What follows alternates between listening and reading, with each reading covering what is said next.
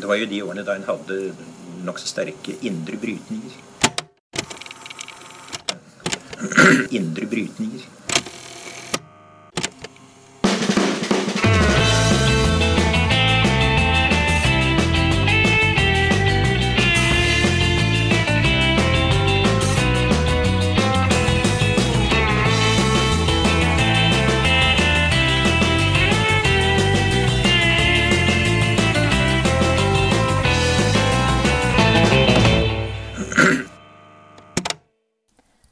Velkommen til Noen har snakket sammen. Mitt navn er Tiril Rustad Halvorsen. Og jeg heter Aksel Fjellavli. Her sitter vi på hver våre hjemmekontor med, med en eh, litt sånn eh, sketchy eh, videochat-tjeneste. Og i dag skal vi snakke om teknologi og personvern.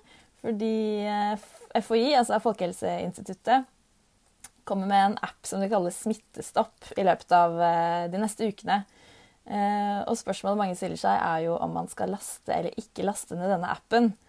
Um, og til å hjelpe oss å finne ut av om man burde gjøre det, så har vi fått med oss eh, kollega Hilde Nagel, eh, som eh, for tiden skriver bok nettopp om teknologi og frihet, og har deltatt i denne debatten bl.a. i Agenda Magasin. Velkommen til podkasten, Hilde. Takk for det.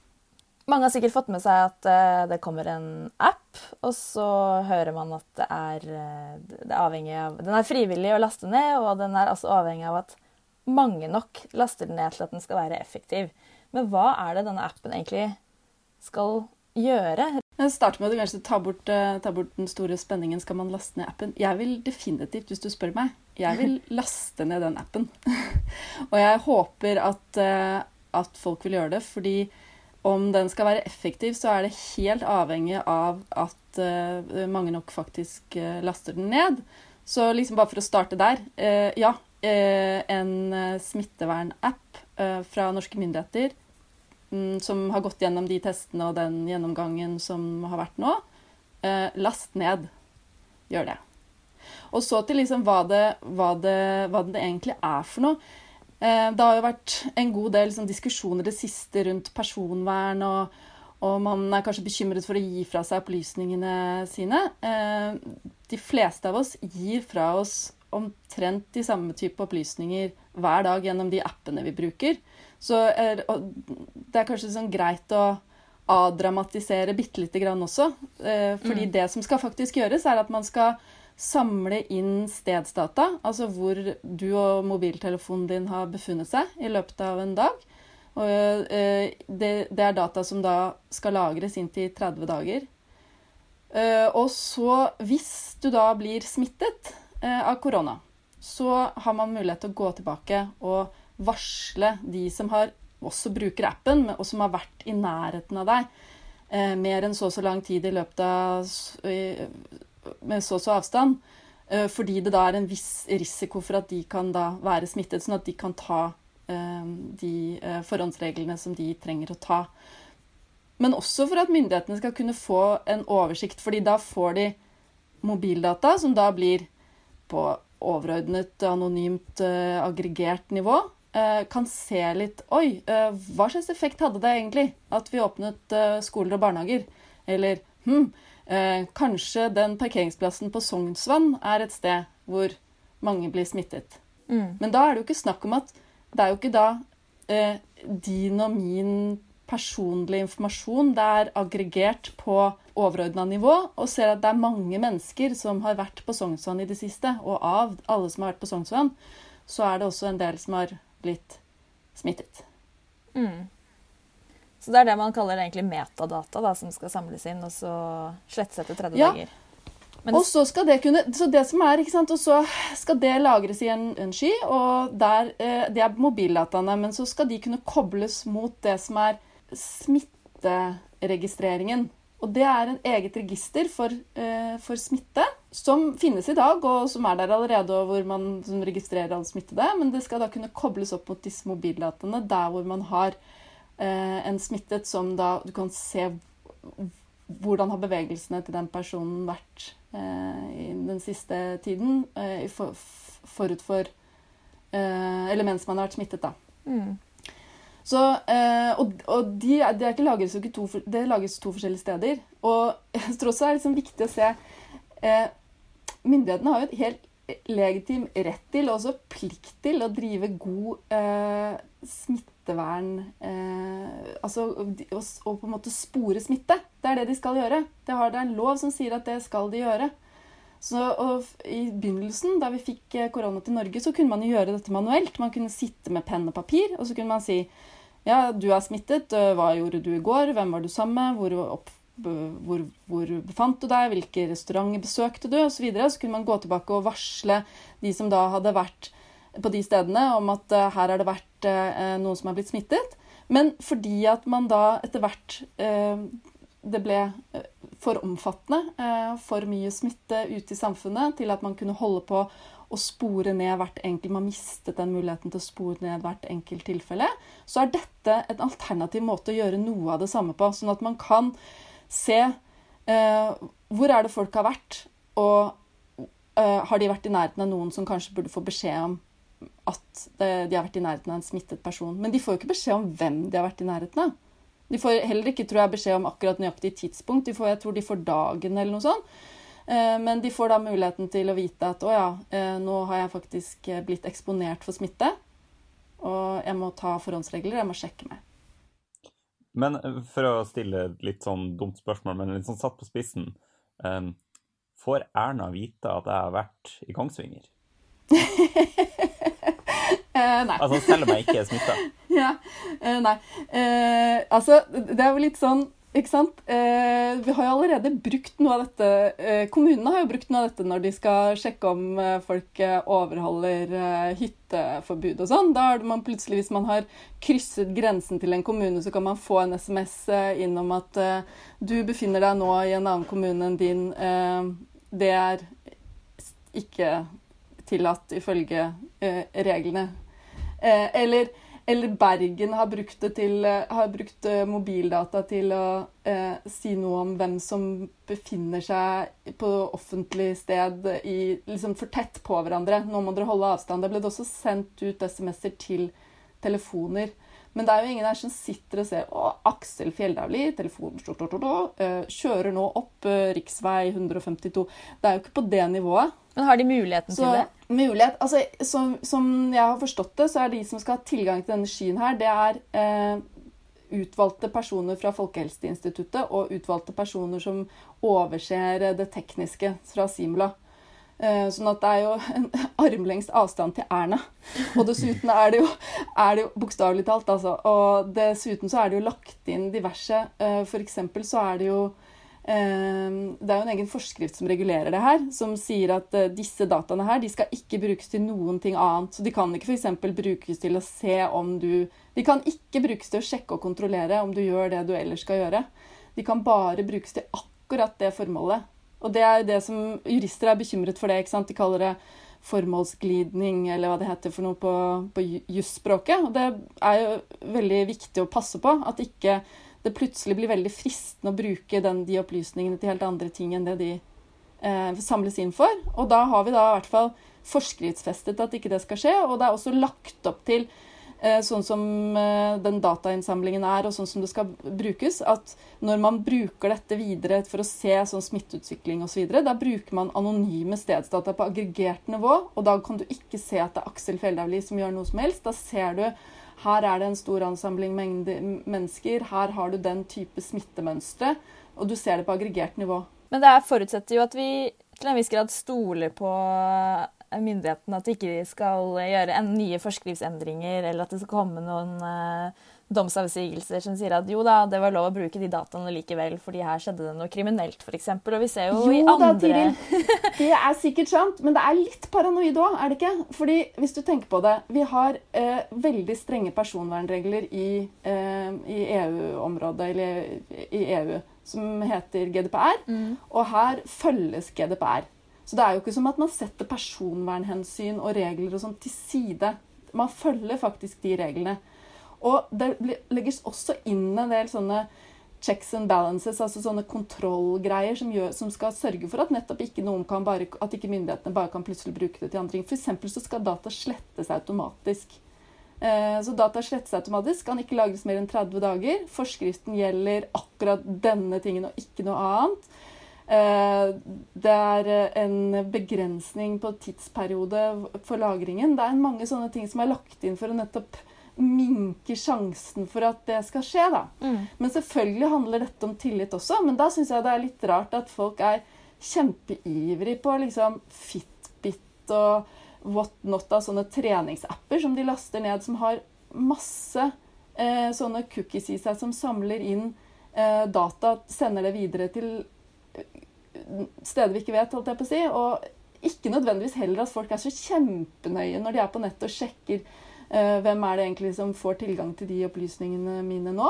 Uh, mens liksom, med, med, dette her så er det liksom det, det, som har vært, syns jeg, uh, frustrerende, som gjorde at jeg faktisk liksom skrev om det, det var Jeg er jo ikke teknolog, jeg kan ikke noe om de tekniske sidene spesielt godt om dette her, men, men jeg merket at det var en sånn veldig sånn Veldig tilting mot at man var veldig opptatt av den personvernsiden, mens man ikke snakket noe særlig om at Men hør nå her. Eh, det er re, et relativt lite inngrep i friheten til folk. Relativt lite. Her sitter vi altså i hvert vårt hus og prater på podkast og uh, er ikke på kontor og reiser ikke på hytta og alt mulig. Og så er dette snakk om å gi fra seg noen data for hvor vi befinner oss, som skal brukes til én ting, og det er å spore smitte. Uh, skal man ikke da liksom Er ikke det uh, ganske greit? Jeg tenker at det bør være ganske greit. Og så syns jeg det er helt fair at man går gjennom og sier se på er den appen god nok. Men da må man også på en måte ta med den andre siden av historien. da. Ja, OK, har vi tid til å gjøre den perfekt? Antagelig ikke. Er det noen hensyn vi må liksom sette litt til side? Ja, antagelig. Eh, og hvis du da har hatt en gjennomgang både av nå eh, Datatilsynet har vært inne, du har en egen ekspertgruppe som har sett på om sikkerheten er god nok, funnet ut at ja, det er den. Eh, konfidensialitet er godt ivaretatt. Eh, det er, eh, det er Simula statseid og myndigheter, norske myndigheter som gjør dette med en masse personvernfolk på ryggen, holdt jeg på å si, som passer på at ting foregår på riktig måte. Så syns jeg det er litt sånn skummelt hvis vi nå ender opp med at folk blir veldig redde for å bruke en app som kan bidra til at vi kommer tilbake til normaltilstanden i samfunnet raskere som kan hjelpe en masse sårbare mennesker ut av den vanskelige situasjonen vi er i nå, med nesten full isolasjon. Jeg et spørsmål. Du, eh, når du diskuterer dette, så er det på en sånn, som for så vidt er en eh, logisk og fornuftig innfallsvinkel til å diskutere de fleste spørsmål. Sett opp liksom fordeler og ulemper. Og, og eh, vurdere er dette i sum en fornuftig ting å gjøre. Og da er det eh, liv og helse på den ene sida, og så er det Eh, personvern og eh, ja, frihetsprinsipper egentlig på den andre sida. Men spørsmålet mitt da er eh, kan man forholde seg til den type spørsmål som et pros and cons-spørsmål, på samme måte som man vurderer eh, bør Norge kjøpe det jagerflyet eller det jagerflyet? Eh, bare for å trekke en vilkårlig parallell. Altså, eh, sånne frihetsspørsmål, er ikke det egentlig prinsipielle spørsmål der man må ha noen absolutte skranker mot hva, hva, staten kan gjøre og ikke kan gjøre. Altså Kan det veies opp mot liv og helse, egentlig? Gir det mening? Men Aksel, det du sier er jo egentlig absurd. Det, det betyr at du skulle gitt i dette tilfellet personvern en sånn, sånn vetorett.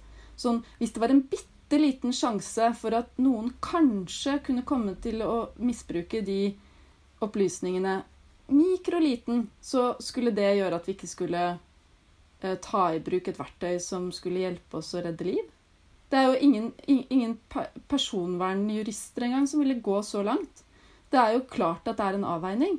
Og det innrømmer jo også altså Selv lovverket har tatt høyde for det. sånn at når EU nå gikk ut, og EUs personvernråd gikk ut nå og med, med en egen uttalelse i forbindelse med korona, så sier de jo at dette er en spesiell situasjon, og her er det eh, hensyn til eh, liv og død. Eh, det er bokstavelig talt, og det er en veldig alvorlig situasjon hvor man er nødt til å se på eh, andre typer eh, regler.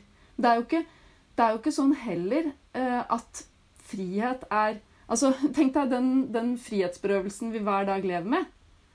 hva er personvern for noe? Personvern er at du verner om retten til å bestemme over dine personopplysninger, sånn at du skal kunne bestemme hva dine personopplysninger skal brukes til. Og så er det en sånn privatlivets fred at eh, ingen skal kunne vite uten at du forteller dem det, hvor du går og hva du gjør. Og det er eh, gode friheter, gode, god, godt begrunnet at vi skal passe på i et samfunn at vi verner om den type frihet. Men det er jo også andre viktige verdier og friheter i et samfunn som selvfølgelig er nødt til å avveies mot hverandre. Det er jo ikke som at La oss si at du visste da, at en person ville dø hvis ikke du lastet ned den appen. Skulle du da la være? Ja, nå nærmer vi oss en sånn eh, på en måte grunnleggende debatt om utilitarisme versus noen sånne prinsipielle eh, spørsmål. Ja, men jeg tror nesten ikke Jeg tror du ville ha veldig få med deg på en så streng eh, tolkning av personvernet at det alltid skulle trumfe i enhver sammenheng. Alt det det syns jeg høres Jeg tror noe av problemet i dagens samfunn er litt det motsatte. At vi at det er, det, er, det er, veldig mange institusjoner i samfunnet vårt som er satt opp til å passe på personvernet vårt. Har, og det er kjempefint. Vi har Datatilsynet, vi har gode regler i EU. Vi har stadig noen som minner oss på at vi må passe på at ikke vi gir fra oss personopplysninger til hvem som helst. Vi har det som en litt sånn i ryggmargen vår at det skal vi ikke gjøre. Men hva om det å gi fra seg den type opplysninger kan hjelpe samfunnet totalt sett til å løse veldig viktige oppgaver? Og jeg tenker ikke nødvendigvis bare på at det trenger å være liv- og helseoppgaver. Det kan være andre typer oppgaver også. Det kan være at som i London da, så bruker man eh, mobildata til å få til bedre transport uh, i byen. Uh, det er jo en helt Det er jo en helt legitim grunn til å gi fra seg til uh, myndighetene i London eh, mine bevegelser, at jeg kan vite at å, jeg hadde blitt veldig mye mer effektivt eh, transportsystem i London hvis jeg gjør det. Um, jeg tenker at er, her, her, er det såpass på spissen at jeg syns det er nesten rart at man ikke ser det. Det er selvfølgelig sånn at man må veie personvern opp mot liv og helse. Men likevel så har det blitt en, en debatt, da, og flere har skrevet eh, Eller advart mot å laste den ned. Og som du sier, så gir man jo fra seg data til private selskaper i hytt og gevær eh, veldig ukritisk eh, ofte. Hvorfor tror du det blir en debatt først nå, når det er myndighetene som skal bruke noen data for oss? Jeg håper jo faktisk at vi får en ordentlig diskusjon av uh, hvordan eh, særlig de store teknologiselskapene henter inn data om oss sånn i kjølvannet av denne koronakrisen. Vi sitter jo nå på Zoom, og det har vært en stor diskusjon om uh, Zoom egentlig også har ivaretatt personvernhensyn på noe særlig god måte, og det er sikkerhetshull der som bare det som har vært avdekket. Så um, det at det finnes et bakland der med selskaper som samler inn data, eh, som bruker det igjen til å målrette reklame eh, mot oss, eh, manipulere valg. En hel industri som tjener seg rike på at vi gir fra oss våre data. Det er noe jeg virkelig håper at vi får oppmerksomhet rundt. Det syns jeg er veldig bra om vi nå i den tiden hvor vi bruker alle, plutselig tar i bruk veldig mye mer digitale eh, verktøy også, både i skole og i i jobbsammenheng osv. At, vi kan, at vi mm. kan få en litt større bevissthet om det. da. Um, så, mm, så, så, det, det syns jeg er, eh, er, bra. Og jeg syns jo også at det er veldig bra at vi har fått en debatt om appen. Jeg er veldig glad for det. Jeg synes Det er kjempeviktig og bra at jurister og andre går ut og er skeptiske og sier fra eh, om eh, der hvor de tenker at det kan være sikkerhetshull, eller der hvor de kan tenke at dette kunne vært gjort på en annen måte. Men jeg blir bare litt bekymret når jeg føler at det blir Den debatten går litt sånn ut av proporsjoner, da. At man bare eh, ser på den ene siden av saken og bare er opptatt av dette med personvern, men ikke ser den store verdien som data kan ha når man deler den eh, på en god måte. Eh, og her er det jo snakk om informasjon som er bokstavelig talt livsviktig. Det er verdifull informasjon som kan hjelpe samfunnet vårt å komme tilbake, vite hvordan smitten utvikler seg. Mest mulig presis informasjon om det. Og så skal ikke myndighetene kunne ta i bruk de, de mulighetene som stordata gir, mens store private selskaper gjør dette hele tiden og tjener seg rike på det, det syns jeg er et paradoks. Mm. Da har jo Apple og Google også lansert at de eh, skal komme med en, en, et, en app som skal gjøre det samme, men som, som, de, som, virker som meg De sier at den er enda mer eh, anonym og ikke samler inn noen unødvendige data, som også kritikken mot denne norske appen har vært. Um, det er jo, og I noen land så er det jo myndighetene kanskje en større overgriper enn Google når det kommer til innsamling av data. Uh, vi har jo sett uh, Kina og Ungarn og andre land som benytter seg av denne koronakrisen til å overvåke, uten liksom å sammenligne Norge og Ungarn på noen som helst måte. Men det er jo uh, kanskje noen fordeler, i hvert fall enkelte steder i verden, at de private også kaster seg på. Hva vet du om den appen som Google og Apple lanserer? Nei, altså Jeg vet at det har vært en diskusjon om den appen til Simula og Folkehelseinstituttet burde være basert på lokal lagring, og ikke ha en sånn sentral lagring av data, sånn som de legger opp til nå. At det har vært en av hovedinnvendingene. Eh, fordi man ser at det å liksom ha eh, sentral datalagring kan innebære en større sikkerhetsrisiko og på en måte gi myndighetene da en mulighet til å ha data om deg som de eventuelt kan tenkes at man kan misbruke. Jeg vet ikke. Kanskje mer sårbar for hacking og ja, men så kan du si den andre, den andre siden av det er at hvis den, den eh, lagringen skjer lokalt, eh, så er det jo også da en større fare for at det ikke blir så effektivt. Fordi da er du hele tiden avhengig av at man går inn og rapporterer videre de dataene til myndighetene. Så det er min bekymring som vi startet med, ikke sant? det at kanskje, ikke, kanskje en stor fare her er at faktisk folk ikke i stor nok grad bruker den appen, og at man må opp i 60% bruk før den kan være effektiv.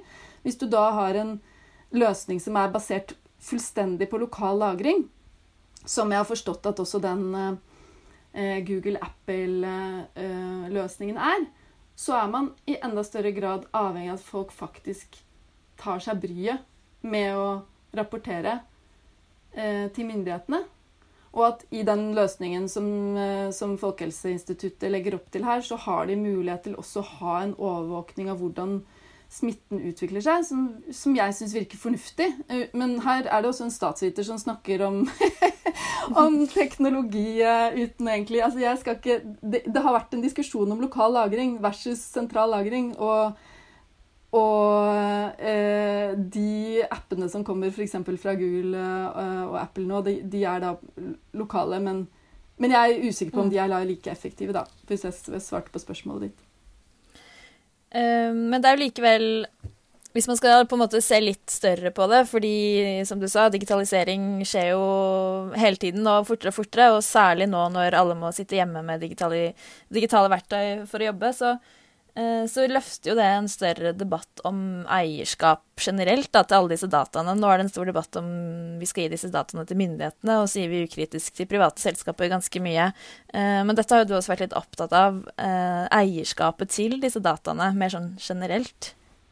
Ja, jeg, jeg har nok vært liksom opptatt av Nå er det nå er det behov for en avklaring. fordi at lenge så har det vært sånn at det har vært en god del eh, private teknologiselskaper som har eh, kunnet ta i bruk eh, data og tjene seg rike på det. Eh, vi trenger en annen form for regulering, men jeg er veldig usikker på om løsningen er at vi alle sammen skal eie bare våre egne data. Jeg tenker at Noe av det som er spennende med å se på data som ressurs, er nettopp hva data kan gjøre på eh, stordatanivå, på aggregert nivå, og hvordan samfunnet kan ta i bruk den type stordata for eh, oppgaver som vi trenger å ha løst i samfunnet.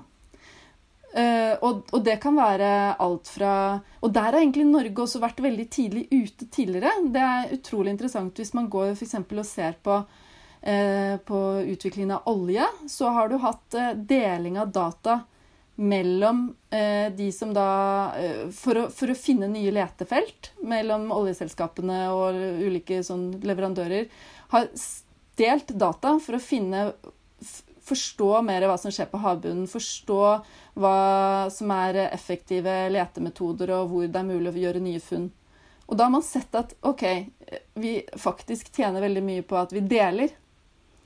og det tror jeg at vi som samfunn også kan begynne å, å, å gjøre mer. Og dette er en, egentlig en god begynnelse. Eh, at eh, nordmenn nå kan gjøre denne Det blir jo liksom en utvidet dugnad, da. Laste ned denne appen og tenke at ja, jeg gir fra meg eh, litt opplysninger om meg selv, men det jeg får tilbake, er en tryggere og sikrere og bedre og mer treffsikker eh, smitte, eh, smittesporing og, og, eh, og, i det hele tatt liksom eh, håndtering av koronakrisen med denne appen. Og kanskje da kan gjøre at jeg Oi, jeg kan faktisk få lov å reise litt mer rundt. Jeg kan, barna mine kan begynne på skolen igjen.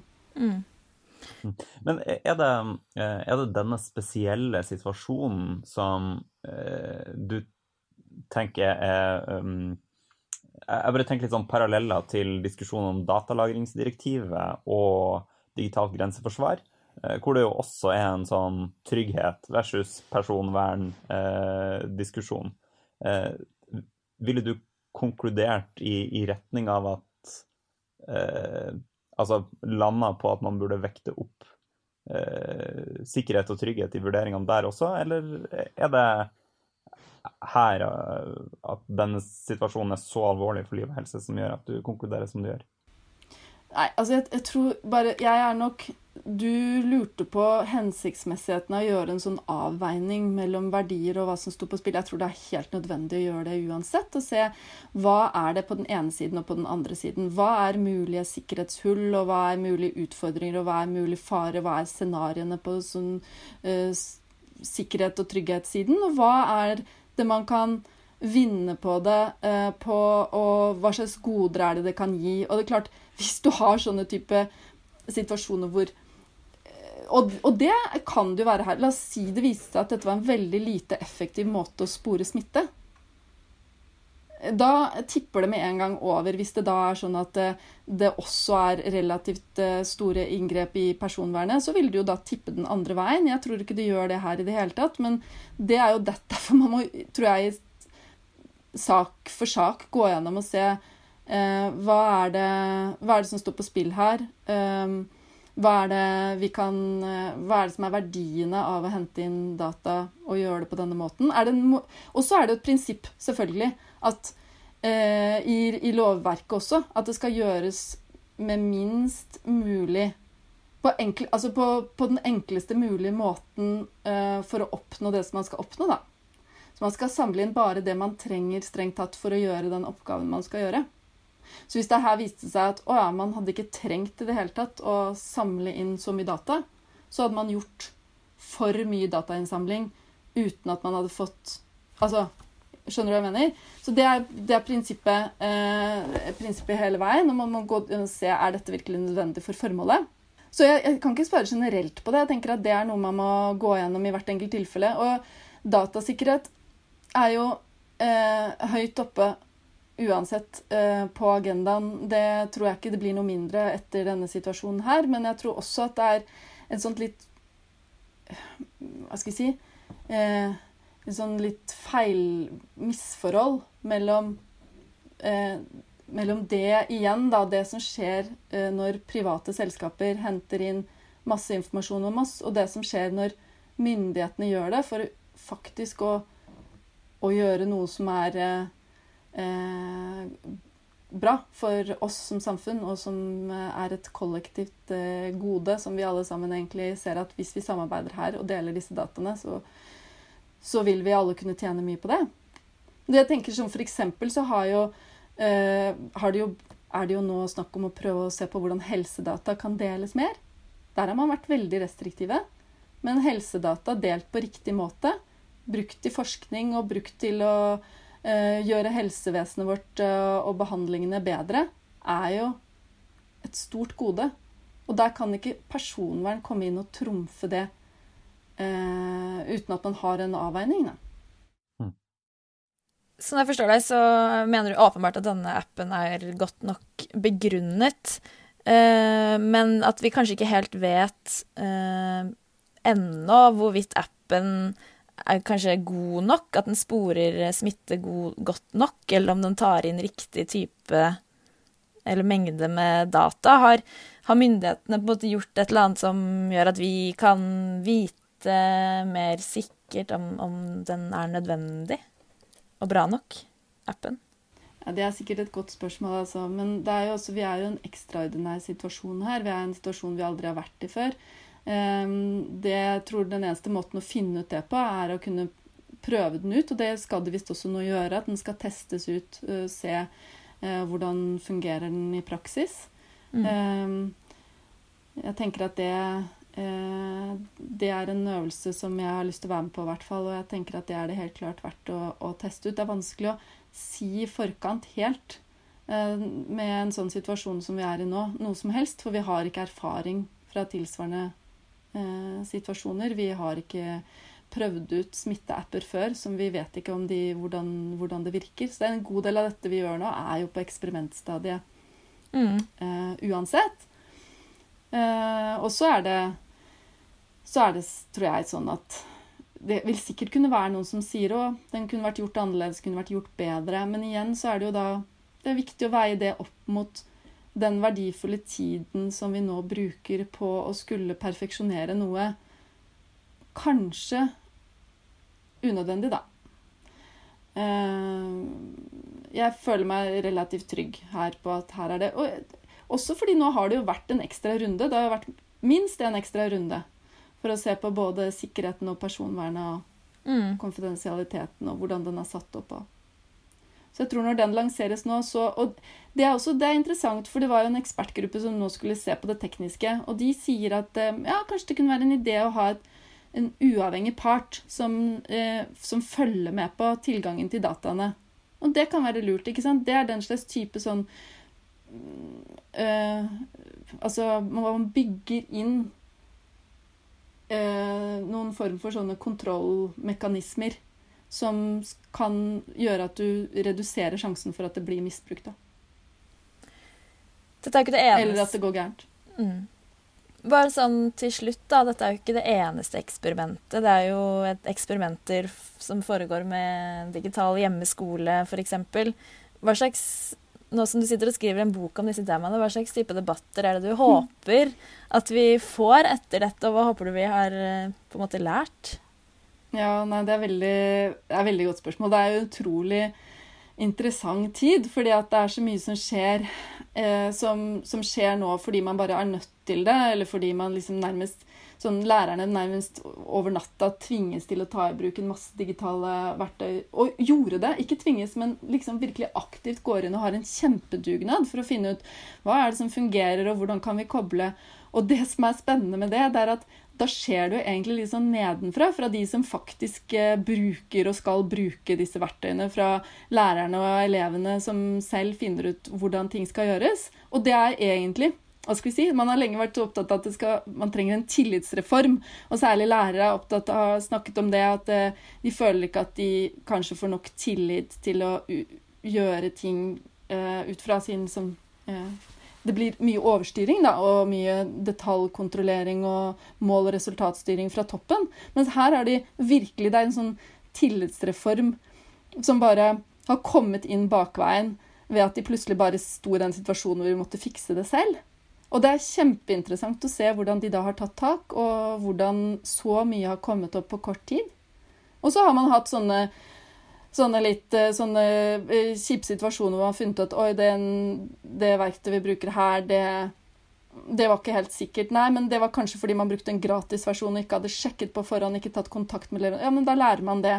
Og så er det litt sånn uh, learning by doing, men samtidig en utrolig sånn energi, opplever jeg, blant norske lærere nå på å ta i bruk. Og det tror jeg kommer til å det, det, det, tror jeg ikke gir seg etter eh, koronasituasjonen nå. Da. Det tror jeg man, man, kommer til å se at digitalisering i skolen blir liksom aldri helt det samme etter dette her. Mm. Og heller ikke digitalisering på hjemmekontor. Eh. Nei! Selv om er, Vi har jo sett svakheten nå, selvfølgelig. Så ja. Nei, men eh, men eh, at det er veldig mye som nå eh, skjer. Jeg, jeg, håper virkelig, Det jeg virkelig håper, er at man får mer øyne opp for hvordan man kan ta i bruk eh, digitaliseringen og eh, teknologien og stordata til å utvikle velferdsstaten og til å liksom ska, skape gode liv for oss. Og ikke at det er noe som vi trenger å liksom bare skal sitte og bestemme hvor mye, hvor mye skal jeg gi fra meg eller ikke gi fra meg til, til noen private selskaper der ute. Jeg tenker at det er enorm, enorme muligheter da, i å kunne bruke eh, digital teknologi og ikke minst, eh, ikke, ikke minst stordata til samfunnsnyttige ting. Mm. Så om, vi kunne, om dette kunne være en sånn ja, en bevisstgjøring på det, så Mm. ville det vært veldig Ja, det håper jeg virkelig. Håper jeg også, egentlig. Og Det kan jo se sånn ut når man ser på um, graden av eh, omstilling i Nav f.eks. på digitale løsninger, nå som ingen kan dukke opp og Det, det viste seg jo at en god del ikke hadde da muligheten til digital søknad for sosialstønad, og det er jo interessant. De fikk det ganske fort på plass, for å si det sånn. Um, men um, men jeg, jeg tenker vel også det Altså, jeg bare også si at i boka mi, da, og, og, og, og liksom det jeg er opptatt av, så er det jo også hvordan vi kan bruke eh, det digitale til å hjelpe oss med de oppgavene vi skal løse. Det må aldri være sånn at digitalisering skal gjøres for å digitalisere. Og det er heller ikke, selv om jeg ikke er noe i det hele tatt eh, generelt negativ, eh, selvfølgelig, så er det også noen sider ved, ved f.eks. digitalisering av Nav, da, som, hvor man kanskje har fått på plass digitale løsninger, men det er litt sånn uklart om det egentlig har vært så veldig bra for de som er mottakere eller eh, skal bruke systemene. Så det tror jeg også at vi trenger å se eh, grundig på. Kanskje litt inspirert av den lærerdugnaden. At man må gå ned og spørre de som faktisk bruker systemene. Hvordan funker det her? Eh, løser det de oppgavene det skal? Eh, du som mottar den sosialhjelpen, kunne du tenke deg at vi gjorde dette på en litt annen måte? Hva er egentlig behovene dine? Eh, og ikke se på digitalisering som noe som bare skal liksom gjøre det effektivt eh, eller enklere for oss. Fordi at det er så mye mer potensial der, da. Mm. Det blir eh, spennende å se hvor mange nordmenn som faktisk laster ned appen. Det må vel være sånn ca. 60-70% som gjør det for at det skal være effektivt, stemmer ikke det? Jo, det stemmer. Så jeg håper jo egentlig at Jon Wessel Aas og alle som har sagt at de er skeptiske, eh, oppfordrer til å laste ned appen. Fordi at når den nå først kommer, så, så tror jeg som sagt at den har vært eh, gjennom en grundig sjekk. Og den er frivillig å laste ned, og man kan når som helst også avlaste, holdt jeg på å si. Slette seg ut av den. Mm. Så det er ikke noe sånn at eh, hvis du er med, så er du med, og så kan du aldri Du kan melde deg ut. Så det går an å prøve. Og eh, som sagt, eh, veldig bra med debatt, men eh, nå tror jeg også at vi trenger å eh, samles om at vi faktisk skal gjøre den lille dugnaden her også. Så blir det en tillitstest, det òg, på en måte. Det blir det. En test av om folk har tillit til myndighetene, når myndighetene gir tillit til at folk kan velge sjøl å installere den appen. Definitivt. Tusen takk, eh, Hilde, for at eh, du kunne ta turen innom det lille Zoom-rommet vårt. Ja, takk skal dere ha. Ha det bra. Ha det.